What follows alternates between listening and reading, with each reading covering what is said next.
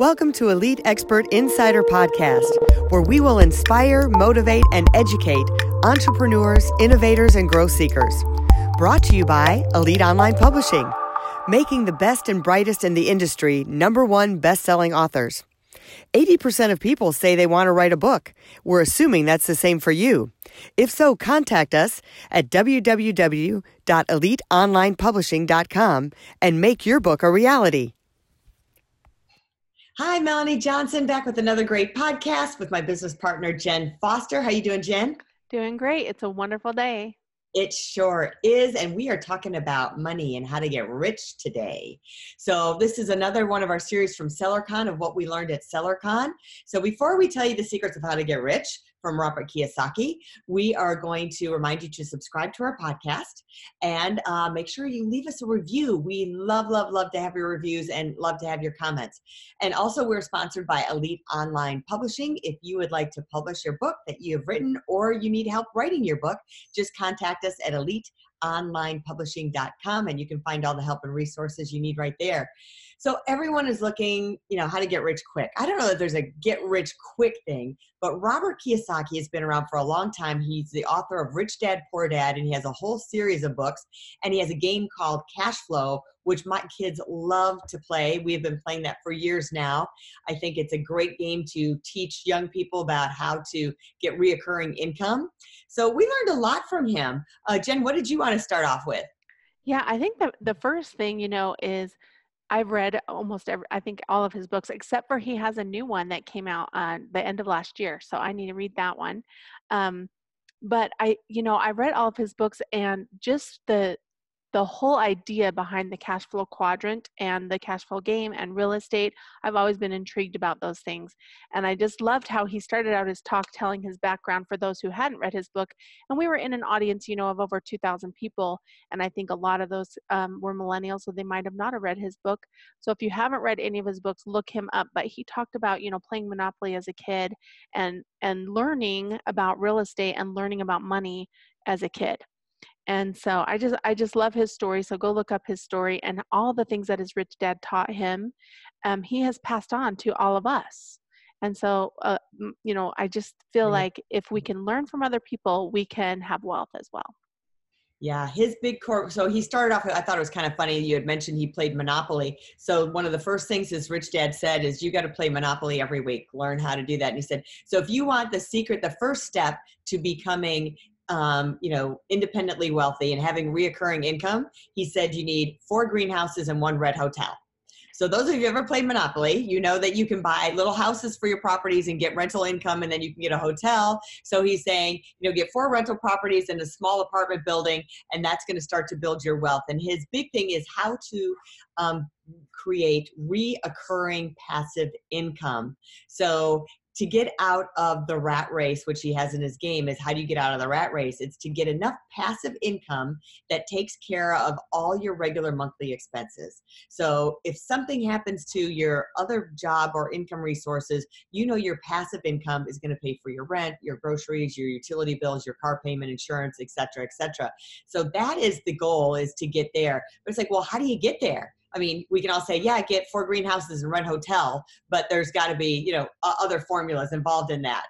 Yeah, exactly. Hmm. Well, and I think the passive income is really important because, you know, if you don't have that money coming in and something happens to you, then you don't have security. So having those apartment rentals or house rentals or um, any of that is rec- recurring income that comes into you. And so he talked a lot about, let's move into the cash flow quadrant. He talked a lot about, you know, what that means as if, if you're a business owner. So the cash flow quadrant simply is um, a chart that he makes and he puts the top left corner an E, which is the employee.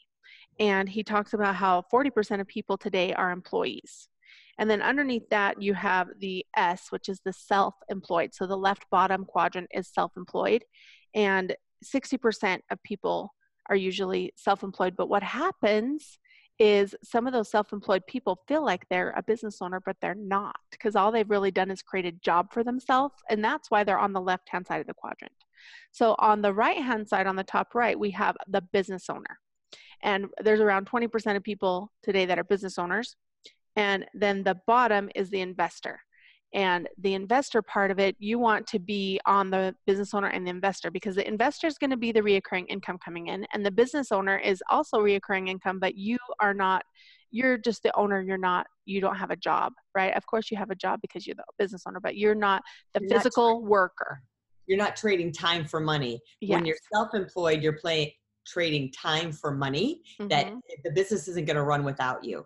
Right. So like if you're a consultant, if you're not consulting, you're not going to get paid. Where right. if you own a business, you have everybody else that's employed under you that's doing all the work for you. And if you want to take a month sabbatical, the company's not going to fall down without you there. That's the the difference between those two things. Right. So I think it's important though to, to understand that cash flow quadrant. And I don't think that people know it or understand it. And I think a lot of times people get stuck in that I'm going to start a business and they become self employed and then they just have a job the rest of their life. Right. And the other big difference between those two sides of those quadrants, especially when you're a business owner and you're an investor, you get a lot more tax breaks. So the tax law is written um, for capitalism, like we had said in our one about um, the Whole Foods owner, uh, the conscious capitalist, is that you get a lot of tax breaks because the United States is built towards building businesses.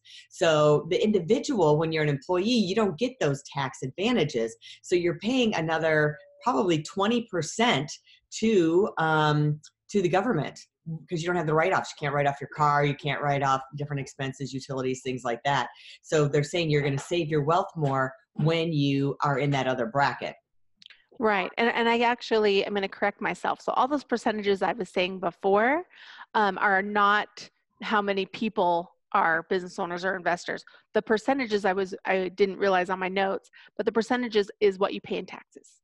So that's what the, the percentages mean. So the employee pays 40% in taxes. The self-employed pays around, it says 60, maybe not. Business owners 20 and investors zero. That, is that right? Then on what you're paying taxes? that's right. Well, you still have to pay some taxes. Yeah, yeah. As an investor, you still pay. I was wondering because when you said you know sixty and forty, I'm like, well, that's hundred percent. So where's the other twenty percent? Yeah, well, I'm just going to own up to my mistakes. I don't know what my notes mean, but but uh, so the ultimate goal he's saying is to be an investor, right? So the ultimate position is to be the investor where money is coming in that you're not having to um, be there every day. You're monitoring your investments, but then the money is coming in. So um, I love. I have an investment that I know I check on periodically, and then I get my payout every so many months. And I'm like, good. I always tell my kids, don't have lazy money. Your money needs to go out and work for you. So, and then the the big question is it's like geez if you get money or you made money you've saved enough money well where do you put it to go to work? Like where's the first place you want it to go to work? And he does recommend real estate and rental properties um, which i think that's good too. You know stock is a lot more um, iffy. It can go up it can go down. Um, it's hard to recover when a market goes down. I know a lot of people that still haven't recovered from 2008 so uh, yeah real estate is a really good one um, to be uh, to be secure in. So he was saying you want to have assets, not liabilities. Now, the one thing you can turn into uh, that's a liability is your home, the home that you live in, but you can turn it into an asset. Uh, the way I've done that with my homes is I have it on Airbnb or VRBO, and that way the house is now starting to earn some money. So um, the big mansion that I had before, I don't know if I mentioned I had a 25,000 square foot mansion and I had a 13,000 square foot summer home. So, um, and that was when everything went upside down in 2008 and 2009 and the bank was coming for us. And so I turned those into rentals, which was way ahead of the curve at the time. VRBO just came out. There was no Airbnb, but those homes started to cash flow. Not only did they support the home, but they supported me as well. So, um, and the house I have now, I've been very fortunate for the last three years that the house has uh, paid for its taxes every year. So that's a nice way to do that. Not everyone wants to move out of their own personal home, but just it's a consideration of something that you can do if you have a uh, rental. You can either do long-term rental or you can do short-term rental. Something to look into when you're doing um, a real estate transaction or trying to find that place to rent. So you want to create assets. That's the thing. You want to have things that are an asset. So you're just not paying for it, but it's generating money. Yes, and and I let's move into you know a lot of hopefully some of these listeners on here are planning on going to SellerCon next year, or are some of the attendees that went to SellerCon. And the other thing that Robert talked about was pr- your product and your service and the audience that you're creating your product for. So, you know, people selling something on Amazon, you would think that you would say, oh, yeah, okay, I want to sell this little widget on Amazon. Well, that's not what you're supposed to start with. You actually start with the audience. So he talked about this story about his very first product that he invented or tried to sell and and he didn't come up with the product first. He actually had a community an audience of people that he wanted to sell to.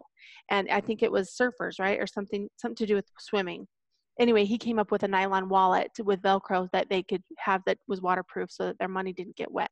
And so he already had the audience first, and then you create the product. And I think that was a really good value that they actually talked about over and over again, not just Robert Kiyosaki, but a lot of the speakers at SellerCon talked about when you go to sell something, if you create this little widget and you think it's amazing, and then you go sell it and you wonder why it didn't sell, it's because you forgot about the audience and what their needs are and what they wanted.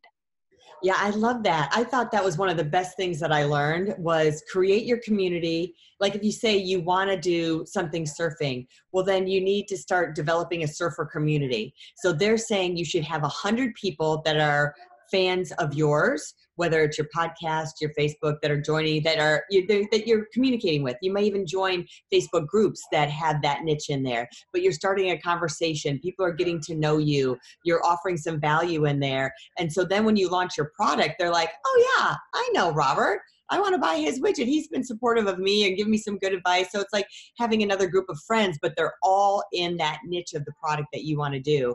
And then deciding what products they need and then getting other products that piggyback off of that.